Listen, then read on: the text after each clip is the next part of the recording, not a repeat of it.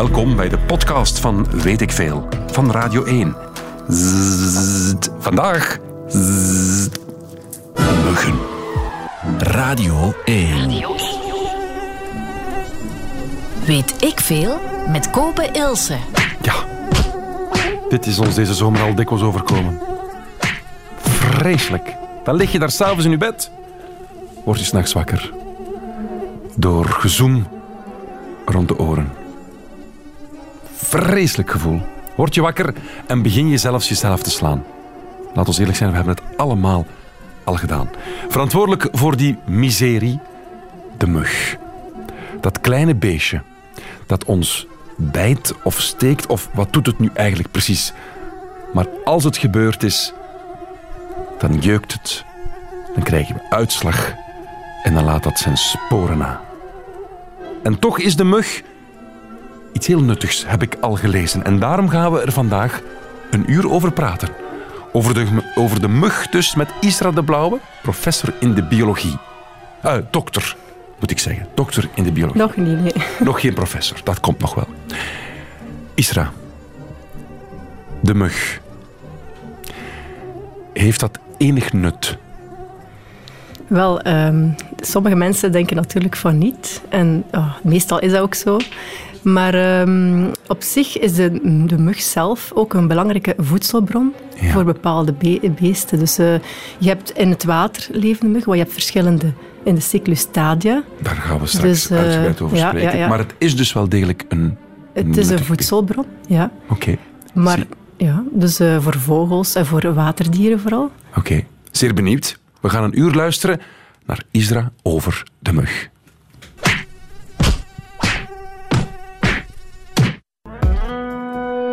Dit is het wapenarsenaal voor de nachtelijke oorlogsvoering tegen de mug. Keuze genoeg. Elk bestrijdingsmiddel is gekeurd door een gezondheidscommissie. In Nederland heeft die vastgesteld dat producten met een welbepaalde stof niet alleen schadelijk zijn voor muggen, maar ook voor muizen. De fabrikant mag de stekker niet meer verkopen in Nederland. De mug. We doen er alles aan om ze uit ons huid- huis te krijgen. En toch hebben we al gehoord, is het een belangrijk deel van het ecosysteem. Bij ons, dokter in de biologie Isra de Blauwe, met een expertise over de mug. Ja, dat mag je wel zeggen. Wat bezielt iemand om dat kutbeest te gaan bestuderen? Wel, het is heel eh, interessant qua volksgezondheid. Hè? Dus het heeft wel een doel om het te bestuderen. Hoezo? Dus, welk, ehm, welk, eh, wel, ehm, de mug is niet alleen een voedselbron voor veel dieren, maar het is heel eh, bruikbaar ook voor virussen. Want, eh, eh, of andere parasieten. Dus Mhm. de mug is eigenlijk de, de, het middel, als een soort injectienaald, gebruikt het virus de mug om eigenlijk mensen te besmetten. ah, oké. dus Dus het- hoe meer je weet over de mug, hoe beter je dan ook die ziektes en zo kan aanpakken. En, eh, ja, ja, ja. Dus die ma- de malaria-mug is daar een voorbeeld van. bijvoorbeeld. Ja, de malaria-mug is ook een voorbeeld daarvan. Ja. Dus eh, de malaria-parasiet, dat is een parasiet, dat is geen virus. Eh, die wordt opgenomen door die mug wanneer die een besmet iemand eigenlijk steekt. Dat zijn steekmonddelen, als het ware. Die echt eigenlijk maakt een gaatje in de, in de arm, in, als het ware. Eh, die ehm, gaat een bloedvat zoeken. Dat beweegt echt zo, dat zoekt een bloedvat. En dan gaat die bloed zuigen en daarmee komt die parasiet dus in de bloedbaan van de mug en ook in de, in de maag. En die gaat dan naar de speekselklier en die vermenigvuldigt zich dan. En daar ehm, wordt die dan, als iemand anders gestoken wordt, eh, wordt dan die persoon dan ziek, want die parasiet komt dan in de mens terecht. Dus de mug wordt ook besmet. De mug wordt besmet, maar die wordt daar niet ziek van. Niet ziek van. Nee. Een mug kan geen malaria hebben. Nee, nee, nee. Oké, laat ons beginnen bij het begin, beste Isra. Hoe lang zoemen ze hier al rond op deze planeet? Al heel lang, van tijdens de dinosaurussen. Als je nog Jurassic Park, de film weet, dat Ah, klopt ja, ja, ja. dus. Is dat eigenlijk Dus, te doen? Want in Jurassic Park wordt gezegd, een mug heeft een dinosaurus gestoken, die belandt in wat hars. Mhm. Dat wordt een fossiel en wij vinden dat terug en wij kunnen dus het DNA van de dinosaurus uit de mug halen. Wel, eh, eh, nu is er eh, onlangs een fossiel gevonden met een mug met echt nog bloed in. Dus 46 miljoen jaar oud, die mug. Dus ik denk dat uw onderzoekers daar wel mee bezig zijn om te proberen om dat bloed te bekijken. Dus dat is echt Jurassic Park. Ja, dat begint erop te lijken, ja. Zou- Maar of dat, dat zal lukken, dat weet ik natuurlijk niet. Hè. Maar de mug is wel de link tussen de dinosauriërs en ons, eigenlijk dan. Op een of andere manier. Eh, de link, zou ik Of heeft zeggen. ons allebei al overleefd? Ja, dat wel. Dat is eigenlijk eh, een heel sterk dier. Dus eh, om die volledig uit te roeien zal het moeilijk zijn. Ja. Hoeveel muggen zijn er? In totaal zijn er een 3500-tal soorten muggen op de hele wereld. Maar eigenlijk van die 3500 muggen zijn er maar een honderdtal muggen die mensen steken. Dus veel andere muggen steken ehm, ook andere dieren. Maar bepaalde muggen gaan ook enkel eh, nectar en zo zuigen, dus die geen bloed zuigen. Dus het is niet dat alle muggen bloed zuigen. En hoeveel hebben we er in België van die 3500? In België hebben we ondertussen al een 32 tal soorten eh, gevonden, geïdentificeerd. Dus Ja. dat is een klein deel van alle muggensoorten Ja. leven hier. Hoe komt dat? Dat is maar een klein deel. Zijn ze hier niet graag? Is dit niet het goed klimaat voor hen? Ik denk dat inderdaad het klimaat in de tropische landen, het is er ook vochtiger, ehm, veel meer water, meer natuur nog. Hè, in, de, in de bossen en zo, Ja. eh, tropische wouden heb je altijd meer di- biodiversiteit. Niet alleen bij muggen, ook bij andere dieren. Dus Dus ze hebben graag hitte, vochtigheid, die dingen. Ja, hitte, vochtigheid. En ze hebben water nodig natuurlijk om hun eitjes te leggen. Dus op de Noordpool kan het niet gestoken worden. En ja, men, nee, dat zal moeilijker zijn. Je Ja. hebt er wel muggen, hè. je hebt wel zeker muggen daar. Maar ehm, ja, daar eh, zijn voor, vooral gespecialiseerd daarop eh, vogels en andere Ah, ja, ja, eh, oké. zoogdieren. Oké. Ehm, dus we hebben die 3500 verschillende soorten. Kan je binnen die soorten toch grote categorieën hebben? Bijvoorbeeld dan zij die de mens gaan steken en zij die dat niet doen? Of bijvoorbeeld de langpootmug is totaal verschillend aan de huismug. Bestaat Ja. de huismug? Wel, er moet eerst een groot eh, verschil gemaakt worden tussen de steekmuggen en andere muggen. Want je hebt natuurlijk, als ik spreek over muggen, dan spreek ik vooral over de steekmuggen, diegenen die mensen kunnen steken. Ja. En dat zijn er een 3500-tal. Maar je hebt nog heel veel andere muggen, de dansmuggen, eh, Chironomidae, de, eh, de langpootmuggen, zoals u noemt. Dat is geen echte steekmug, die zal u niet steken. Daar moeten we geen schrik van Nee, daar moet je geen schrik voor hebben. Dat zijn vieze beesten. Dus het grootste verschil, het kenmerk dat je moet goed naar kijken, is of dat het eh, beestje dat vliegt eigenlijk een lange steeksnuit heeft. Dus eigenlijk, Ja, ja, ehm, ze ze zijn, ze zijn niet, klein, Ze ja. zijn nu niet zo groot, hè? Nee, nee. Hoe groot is een mug? Oh, het zal een millimeter tot twee, ja, nee, wacht, ehm, een centimeter bedoel ik, Ja. ongeveer, ja. Waarom maken ze dit geluid? Wat is dit? Is het om ons te waarschuwen? Want eigenlijk is het niet zo slim van dat beest om de prooi die het gaat steken of gaat bijten te waarschuwen door het geluid. Nee, dat is totaal niks eh, met waarschuwing te maken. Het is eigenlijk eh, gewoon Wat is dit Dat geluid? is eigenlijk het geluid van de vleugels. Dus ehm, iedere mug met zijn vleugeltjes slaat heel rap. Hè. Mhm. Doet zo'n achtvorm. Hè. En dat maakt eigenlijk dat geluid. En dat geluid heeft wel een nut. Eh, dat is vooral bij, van belang tijdens het paren eigenlijk. Dus dit heeft nut. Ja, dat heeft zeker nut. En bij het paren? Ja, dus de mannetjes... Mannetjesmuggen... Sorry, even. Ja, Ja, oké. Dank u. Dat is beter. Dus eh, de mannetjesmuggen hebben eh, heel grote... De antennes hebben allemaal heel veertjes. Allemaal heel lange haartjes eigenlijk. Dus je ziet als grote bosjes haar op de antennes. Dat is ook het verschil dat je makkelijk kunt zien tussen mannetjes en vrouwtjes. En eh, met die haartjes kunnen ze de frequentie van dat gezoem waarnemen. Dus dat, is eigenlijk hun, dat zijn eigenlijk hun oren van de mug eigenlijk. Ah, Dus die gaan, eh, en die mannetjes maar gaan altijd zwermen ook. Die leven maar een paar dagen, maar die gaan zwermen. En als er een vrouwtje in de buurt komt, dan gaan die eigenlijk het gezoem proberen te achterhalen. Of is dat een, is dat een mug voor ons, of is dat geen mug voor ons? En, eh, en als ze elkaar herkennen, als de, mug, eh, de mannetjesmug het vrouwtje herkent, dan gaat die dichterbij komen. En als ze dichterbij komt, blijkbaar, heb ik ook nu in de studie gelezen, dat er eigenlijk het vrouwtje herkent ook het mannetje. En die gaan een gezoem, want de mannetjes hebben een andere frequentie dan de vrouwtjes, zullen ze op elkaar afstemmen. Dus ze gaan een soort eh, serenade maken met twee en Oh, zo mooi. gaan ze gaan eh, rondvliegen en paren dan. Dat is eigenlijk ook de manier om wat dichter bij elkaar te komen, dat die vleugels wat minder in de weg zitten, zeker of zo. Dat dat dan, dus dat blijkbaar heeft dat een nut toch, om elkaar te herkennen, die, dat gezoem. En er is een... En er is een soort synchronisatie van de vleugelgezoem. Ja. Oké, dat is het romantisch gedeelte van de uitleg. Nu komt het eh, andere gedeelte. We liggen daar als mens. Dat beestje zit bij ons in de kamer. Hoe vindt de mug de plek waar hij of zij... Want wie bijt ons? Of wie steekt ons? De vrouwtjes steken Vrouwtjes. alleen, de mannetjes drinken enkel nectar. Ja. Waar gaat die bepalen waar ze ons gaan lastigvallen?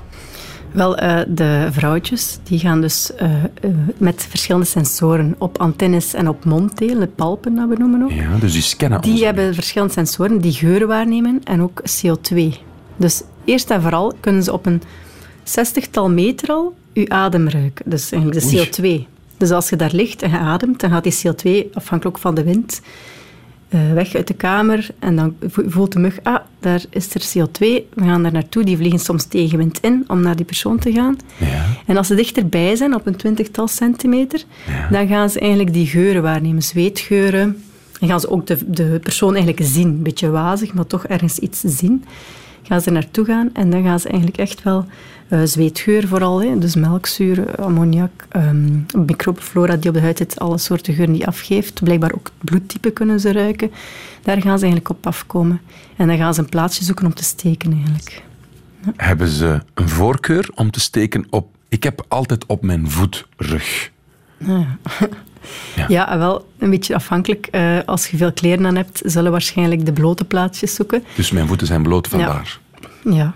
Of eh, aan de andere kant, eh, als je natuurlijk met je hoofd veel zo doet en ze worden daar gestoord, dan gaan ze ergens anders gaan zoeken. Ja.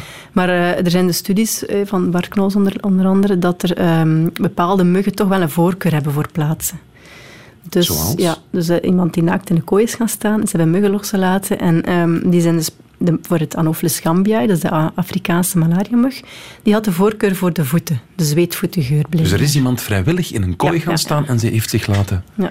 Zeggen we steken of bijten? Want ik ben een beetje in de war. Eh, ja, steken eigenlijk en bijten. Ja, het is eigenlijk een beetje met... Zijn verschillende naaldjes, maar die scheuren... Ja, die steken in de huid, maar dan die scheuren ze die bloedvaatjes zo open. Dus, Eigenlijk moet je... goh, Dat kunnen ze allebei zeggen. ik zeg meestal wel steken eigenlijk, maar... eh, Steken.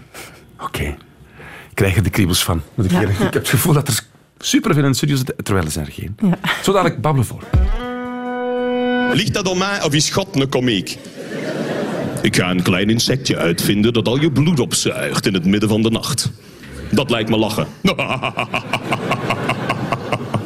Wat denkt jij ervan, Jezus?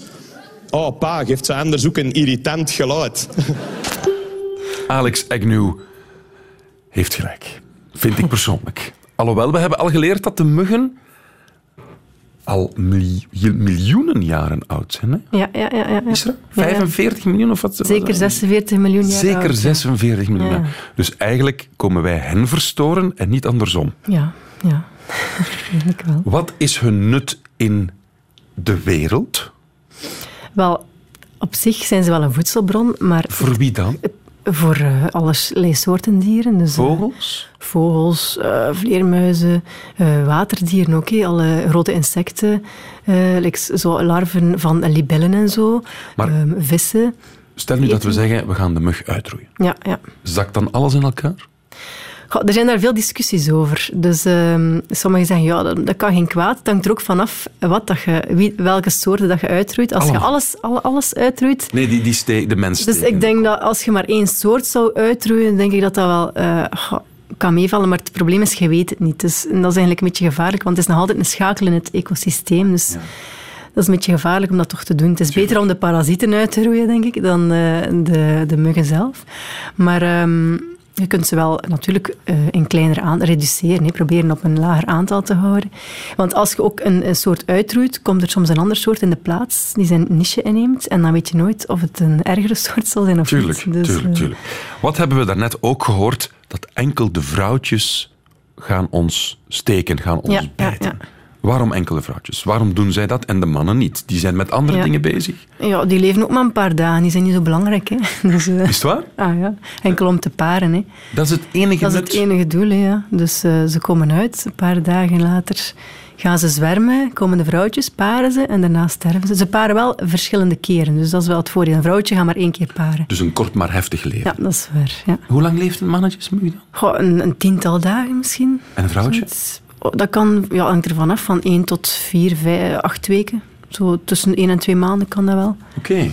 En dat vrouwtje gaat dus Ja. op zoek naar bloed. Ja, dus die zijn alle twee voor voedsel afhankelijk van de bloemen, de planten eigenlijk. Die gaan nectar zuigen.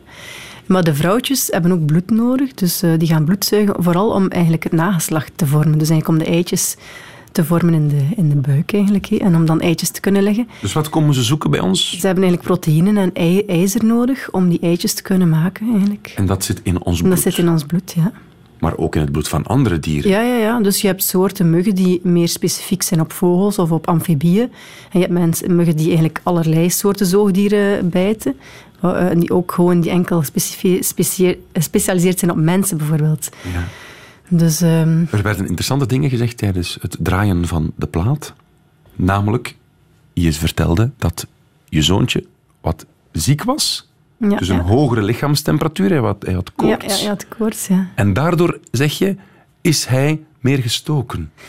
Dat is mijn hypothese. Dus ik denk, eh, want ik vroeg me af, hoe komt dat hij nu zo plots heeft hij zoveel muggen gebeten, terwijl anders minder? En het is niet dat er veel muggen zijn, maar volgens mij, met die, hij zweet wat meer, hij ademt ook wat zwaar, dus meer CO2 en heeft wat warmer temperatuur. Dus ik denk dat hij echt aantrekkelijk was voor muggen. Zoals ook van zwangere vrouwen vaak aantrekkelijker zijn voor muggen, omdat die ook meer ademen en meer, ehm, ook warmere temperatuur hebben. En Oké. zo, ja. En je zei zelf ook van, ja, eigenlijk word ik amper of nooit gestoken. Ja, ja, dat is waar. Toch niet van de huismug. Moest ik nu in een gebied komen met andere muggen, bijvoorbeeld in een bos, word ik wel nog gestoken. Maar dat is afhankelijk van eh, soorten muggen ook, dat je hard reageert of niet hard reageert. Dus, Dus, in, eh, dus de mug die je steekt in het bos is een ander type als de mus- mug die Ja. bij je je, thuis hebt, je hebt verschillende muggen. Dus je hebt eh, nachtactieve muggen, dus de huismug, zoals we die allemaal kennen, de Culex pipiens eigenlijk. Die gaat vooral s'nachts gaan prooi zoeken. Zijn prooi zoeken. Culens, Culex pipiens. Culex pipiens. Ja, dat is één soort, dat is ook een genus Culex. Je hebt andere genera, Aedes, dat is dan van de tijgermug bijvoorbeeld. En je hebt Anopheles, dat is dan meer de malariamug. En de, de Aedes bijvoorbeeld, die steekt vaak overdag. Dus die tijgermug, die lastige tijgermug, die steekt vaak overdag. Terwijl de Anopheles-muggen, die kunnen ook s'avonds steken en ook s'nachts. Dus, dus dat is dan weer s'nachts. Ja, we gaan eens even proberen om eens na te denken. Ze zijn er. Ja, Israël, we leggen ons erbij neer, ze zijn er. ja ze zijn er, ja. Maar wat kunnen we doen om ze zo goed mogelijk buiten te houden of ze niet in onze buurt te hebben? Ja, dat is een heel goede vraag. Hè? Eh, dus eigenlijk is het eerste belangrijke punt, zeker voor de huismug en eh, andere van die Aedesmuggen, die eigenlijk ook vaak mensen steken, zoals de tijgermug, in Italië dan en zo. Daar moet je eigenlijk eerst je broedplaatsen elimineren. Dus eigenlijk zelf zien dat je geen muggen kweekt in je tuin bijvoorbeeld. Ik heb nog nooit bewust een mug gekweekt. Nee, maar als je een tuin hebt en je hebt daar een regenwaterton staan die niet afgedekt is, of je hebt een zwembadje staan met water dat er al een paar weken staat, of je hebt een vijvertje waar geen vissen in zitten of geen andere predatoren, Ja, ja. dan kunnen daar muggenlarven in gele- eh, eitjes in gelegd worden en die kunnen dan uitkomen. Dus of emmers met water. Maar ja, in een dakgoot staat toch In een ook dakgoot, wat water? dakgoten die niet uitgekuist zijn, dat is ook een, een bron van muggen. Ah, Ook ehm, onder terrassen soms, als er zo wat eh, een plaatsje is waar er water kan blijven staan, dat is ook gekend om muggen te kweken. En dan ja, emmertjes, potjes van planten en zo. Ja, het is toch onbegonnen werk om overal stilstand Ja. water te gaan Nee. verwijderen. Ja, in België is dat nog niet echt... eh, het, het, ehm, de sensibilisatie is daar nog niet echt begonnen, want we hebben nog geen echte last van muggen.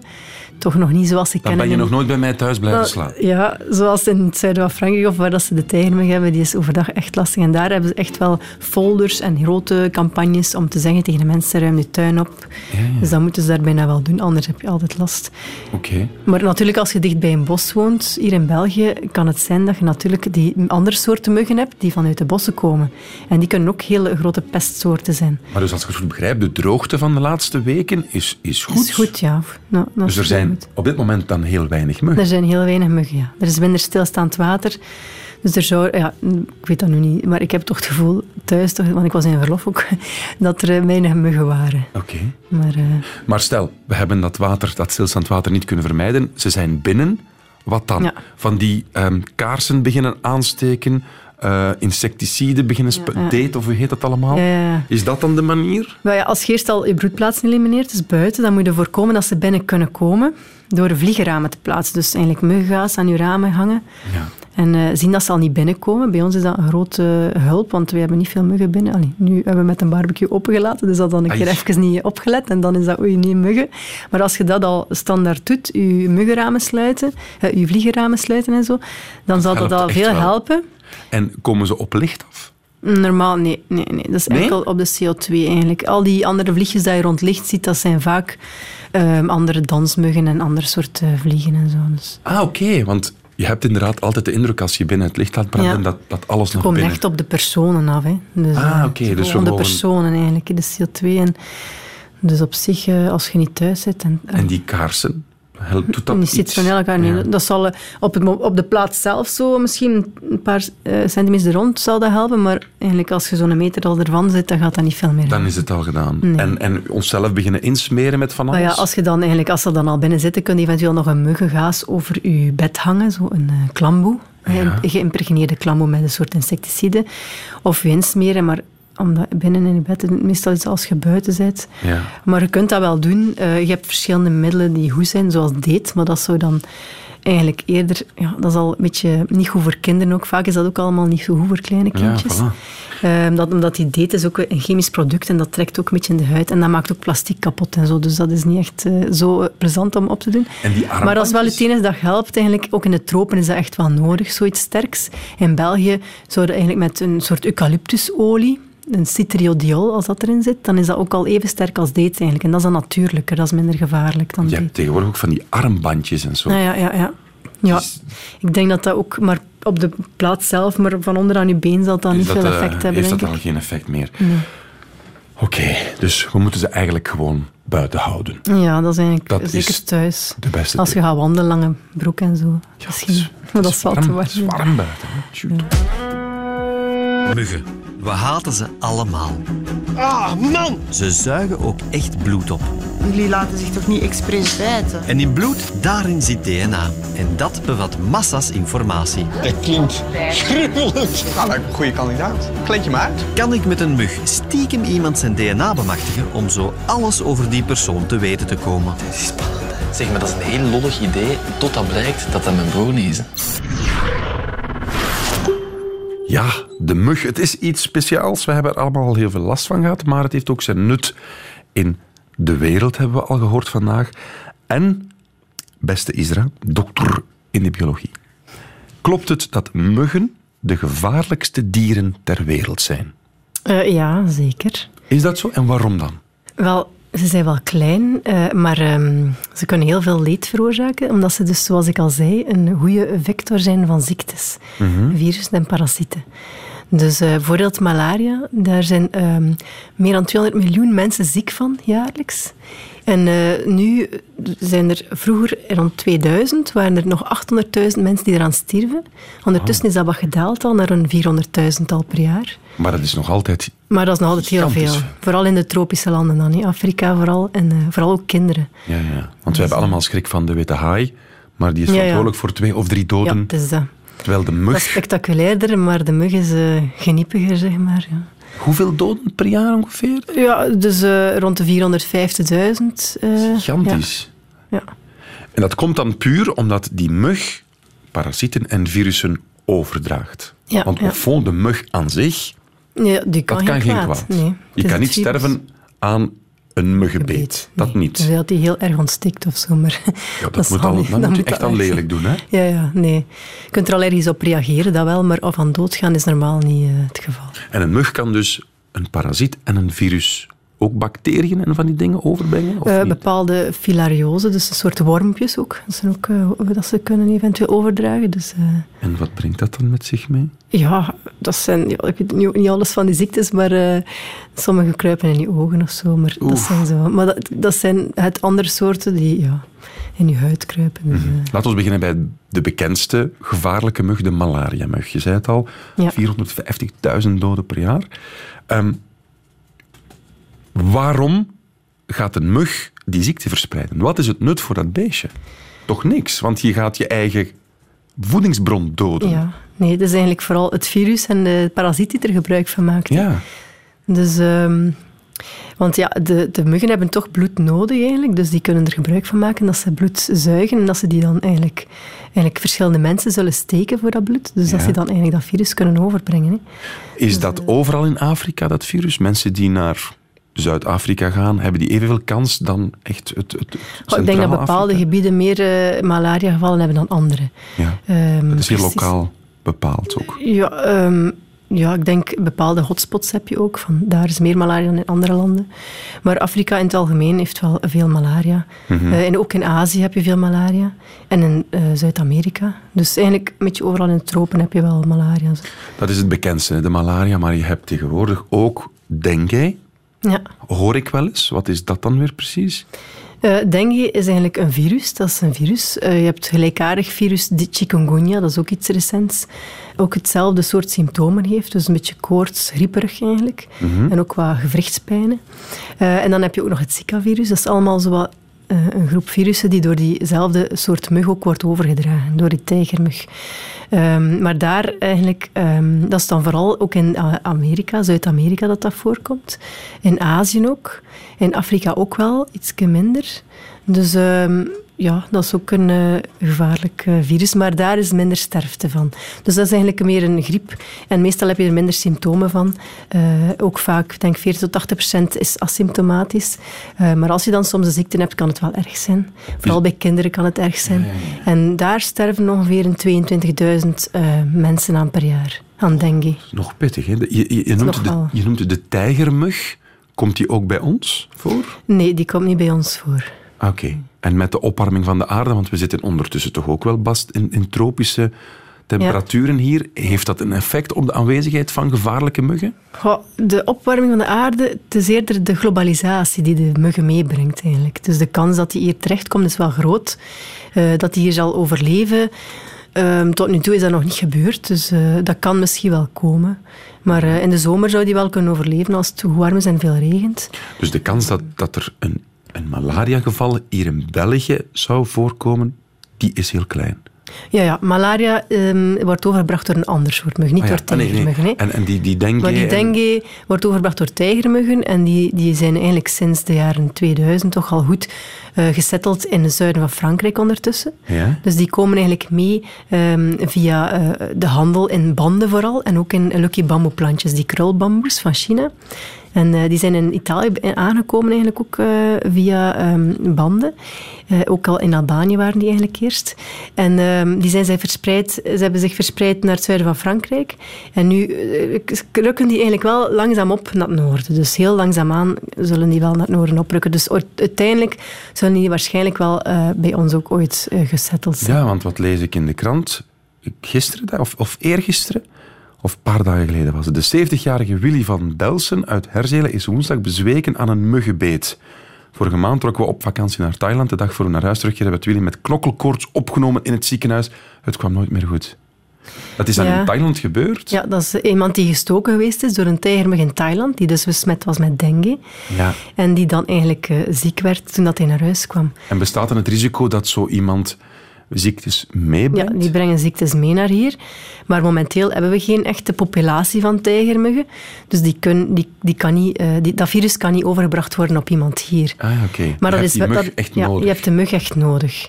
Lokale muggen bij ons eh, zijn niet gekend dat die dat virus kunnen overbrengen, anders waren er al meer zieken geweest. Maar dat wil wel Maar- zeggen, om- je zegt de tijgermug zit dan in Zuid-Frankrijk. Ja. Iemand die naar Zuid, of Ja. van Thailand naar Zuid-Frankrijk gaat, Ja. daar gestoken. En dan, dat, zo Ja, dat is, al, wel dat is al gebeurd. hè. Dat is nu al eh, een aantal in de laatste tien jaar dat dat toch vaker voorkomt. Dat er mensen met eh dengue, chikungunya ook, naar, eh, die op reis geweest zijn, die in Frankrijk terechtkomen, die daar gestoken worden door een lokale tijgermug in Frankrijk en die dan iemand anders steken die niet op reis is geweest. En die is dan eigenlijk ziek geworden. Maar dat zijn altijd maar een paar gevallen. Maar in Italië bijvoorbeeld is er in 2007 een eerste uitbraak echt geweest van chikungunya. Knok, eh, ook een, eh, dus een beetje gelijkaardig aan dengue. En die- daar zijn er toch 200 man ziek geworden. 200-tal man. En eh, één of twee doden. Niet, zo, niet veel doden. eigenlijk. Dus- Klopt het? Yes. Ik- leg het je voor. Mhm. De Nederlandse muggenexpert Bart Knols, ken je misschien wel, ja, ja, ja. die heeft al aangegeven, ik maak me zorgen. ja. Terecht of is dat een beetje bangmakerij? Ja, het is aan de ene kant terecht, maar ook niet. We moeten ook niet in paniek zaaien, want momenteel is dat nog totaal niet uh, een probleem bij ons. En ook niet in het zuiden van Frankrijk is dat wel lokaal. Maar er moet wel iets preventief aan gedaan worden. Het is niet dat we niets moeten doen. Mhm. Dus we moeten wel iets doen. Dus, en um, in Frankrijk ook is daar een grootschalige monitoring en surveillance bezig van eigenlijk muggen, tijgermuggen. Dus die volgen die wel op, waar dat die zitten, hoe dat die vooruit gaan. En die gaan ook op bepaalde plaatsen waar dat er iemand gekend is, die iemand die ziek is geworden in Frankrijk, niet op reis is geweest, Ja. daar gaan die ook gaan bestrijden. Om de populatie van muggen eh, naar beneden te houden, zodat die virustransmissie eigenlijk niet kan verder gaan. Worst case. Maar in België, momenteel, is er dus een, gewoon een project met monitoring die wel kijkt wanneer dat de tijgermug eventueel zou binnenkomen. Ja, ja. Worst case. Wat brengt die tijgermug allemaal mee naar hier dan? Ja, die kan toch wel een... Ja, in totaal, die tijgermug kan wel een twintigtal soorten virussen verspreiden. In Mhm. totaal, met nog een paar parasieten erbij. Dus ehm, ja, worst case, als er hier ooit een populatie tijgermuggen is en er komen een ziekte binnen, dan kan er wel een uitbraak zijn. Maar we hebben nu ook wel een goed systeem hier, een gezondheidssysteem in België, vergeleken met in andere landen, eh, in tropische landen dan. Ja. Dus we gaan er ook, als we nu al preventief ook die mug opvolgen en zo, zijn we er heel snel bij. Als er iets gebeurt, dan is dat echt rap ingedekt. Dus En dat hoe is kunnen we zo'n tijgermug onderscheiden van een gewone mug? Ehm, wel, de tijgermug is heel klein. Dus vaak, ja, Ah, heel klein. Je denkt, iedereen denkt dat is een grote mug. Die heeft streepjes op de poten, dus eigenlijk een zwart-wit, echt een contrasterend zwart-witte mug. Ehm, die heeft een witte streep, een zwarte rug eigenlijk, met een witte streep erop. En eigenlijk de pootjes zijn eigenlijk als een tijger, eigenlijk wit-zwart. Ja, maar kleiner dan de huismug. Maar kleiner dan de huismug eigenlijk. En eh, wel vaak krijgen we foto's doorgestuurd van we hebben een tijgermug gevonden, maar is dat eigenlijk een inheemse soort?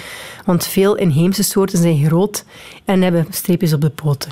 Dus je hebt dus de grote geringde steekmug bijvoorbeeld. Dat is een gekende die vaak verward wordt met de tijgermug. Loont het de moeite als we een exemplaar hebben gedood om toch eens te kijken of niet?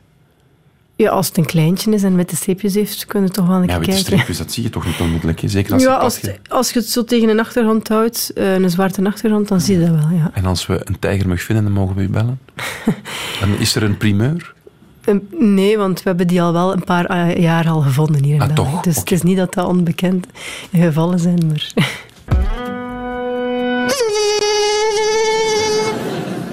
En dan stopt dat geluid zo abrupt. En dan weet je gewoon van, ja, die zit op mij. En ik kan dan niet meer slapen, dus ik probeer die te vangen. Hè, om drie uur s'nachts in mijn onderbroek met een opgerolde gazet, gelijk een mongool erachter van, waar is hem? Ik maak hem kapot! Zo herkenbaar. Hè? Ja, ja, ja zeker. Alex Agnew. Isra de Blauw is het bij mij, dokter eh, in de biologie verbonden aan het eh, Tropisch Instituut in Antwerpen. Ja, ja. Jullie zijn daar echt wel actief mee bezig met die muggen. Dat ja, ja, ja. verbaasde mij. Ja, we gaan zien dat het zo belangrijk is voor de gezondheid. Is Ja, het wel eh, Terwijl het, belangrijk. het lijkt zo'n een, een, een futiel klein Ja, deeltje van, van, van de wereld. En toch zijn jullie daar... We hebben al geleerd, 450.000 doden door malaria. Ja. Wordt overgebracht door de mug. Maar hebben we ook al gehoord, hier in België is dat risico eigenlijk zo goed als Nihil, ja. nihil. En toch gaan jullie monitoren. Ja, wel, er zijn projecten ook in de tropische landen natuurlijk, hè, met muggen, van malaria vooral. Ja. Maar eh, wij, met ons project dan, het MEMO-project is dat, Monitoring of Exotic Mosquitoes, eh, zijn vooral bezig met het eh, zien of eventueel die exotische muggen eigenlijk binnenkomen in België. Want zoals ik zei, de globalisering, de handel wordt opgedreven, ook het reizen verhoogt. Dus er is meer en meer kans dat die muggen hier komen en dat die zich ook kunnen vestigen. Want bijvoorbeeld de tijgermug kan zich heel goed aanpassen ook. En ehm, zelfs al is het klimaat nog niet zo als dat het moet voor hem, dan kan hij toch wel goed zich voortplanten en heeft hij een strategie gevonden om zijn, eigenlijk zijn eitjes te laten overwinteren. In de tropische landen gebeurt dat niet, maar de, de, ah, de tijgermug hier in het zuiden van Frankrijk bijvoorbeeld, die gaat in de winter zijn eitjes laten overwinteren, zodat die eigenlijk niet doodgaan. Hoe kan dat beest dat doen? Ja, dus, dat is een evolutie geweest van de muggen die hier aangekomen zijn en langzaamaan die evolutie gemaakt hebben met die eitjes.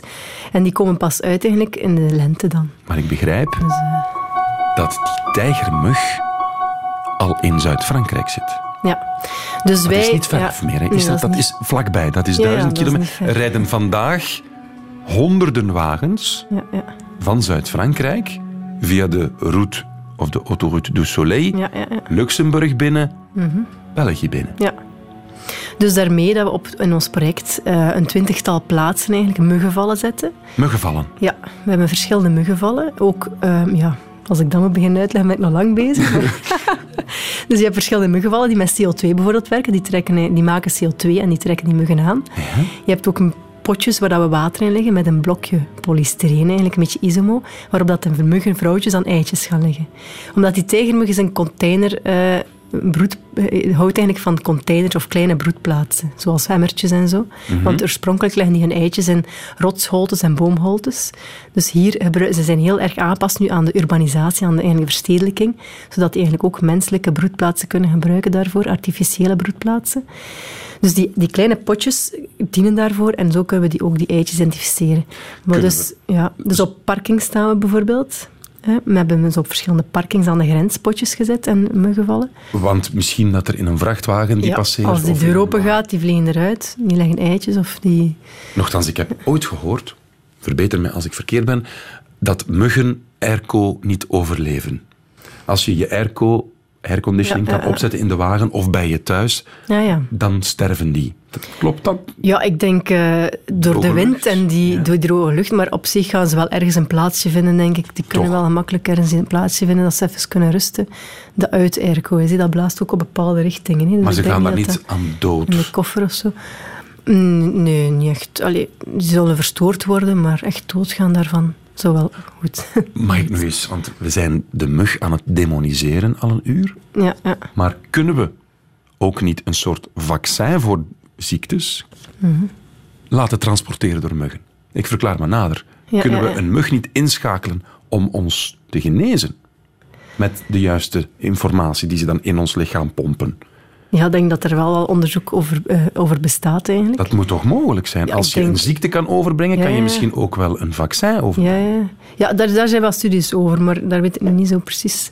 Maar het zou in principe wel kunnen. Ik denk dat dat wel mogelijk moet zijn, ja. Oké, maar voorlopig is het dus vooral de brenger van, van, van, van ziektes. Alhoewel, heb je al gezegd, het gevaar blijft hier in België relatief. Ja, zoals ik zeg nu, met die, we zitten ook op bandenbedrijven bijvoorbeeld. eh, die eigenlijk, ja, ja, eigenlijk meer tractor- en grote machinebanden. Die worden ingevoerd van Amerika, Zuid- Zuid-Europa. en die staan daar buiten, want het zijn tweedehandsbanden. Die leggen daar eigenlijk eitjes in dat water die daar in die banden staat. Ja. Die komen dan zo op de camion, de vrachtwagen naar België. En die worden hier buiten gezet. En zo, als er nieuwe regen in valt, dan komen die eitjes uit en komt die mug hier terecht. Dus zo, op zo'n plaatsen staan we ook. Eh, en op eh, de luchthaven staan we ook bijvoorbeeld. Op de luchthaven. Ja, de luchthaven van Zaventem en Charleroi. Dus in de cabine van een vliegtuig Dus kan ook eventueel bij de bagage. Ja, Ah, ja, maar ja, de, de, cabines worden wel gedesinfecteerd. Maar eh, bij de bagage kunnen er ook nog mee vliegen. Zeer interessant, maar we naderen het einde Ja. van dit prachtig uur weet ik veel. Daarom hebben we hoog tijd... Om, Hm. Moeten we hoog tijd beginnen, zo, dat is algemeen Nederlands, aan de quiz. Voilà. Isra, laat maar komen. Ja. Dus de eerste vraag. Hoeveel soorten steekmuggen zijn er op de wereld? Ik dacht 3500. Amai, perfect. Is dat goed? Ja. Ja, dat is juist. Nu, waarom zoomen muggen? Dat is ehm, een soort paringsdans. En het, het is het geluid van de vleugels. Ja, de sluit van de vleugels. En om dus de mannetjes de vrouwtjes te herkennen. Voilà. Ongeveer goed. Was dat juist? Ja. Ja, ja. Ja, oké, reken. Dan, welke muggensoort steekt overdag en niet s'nachts? De tijgermug? Ja. Is waar? Ja, ja, ja. En hoeveel virussen kan de tijgermug overbrengen? Ehm, veel. Ongeveer. Vijf? Nee. Meer. Tien.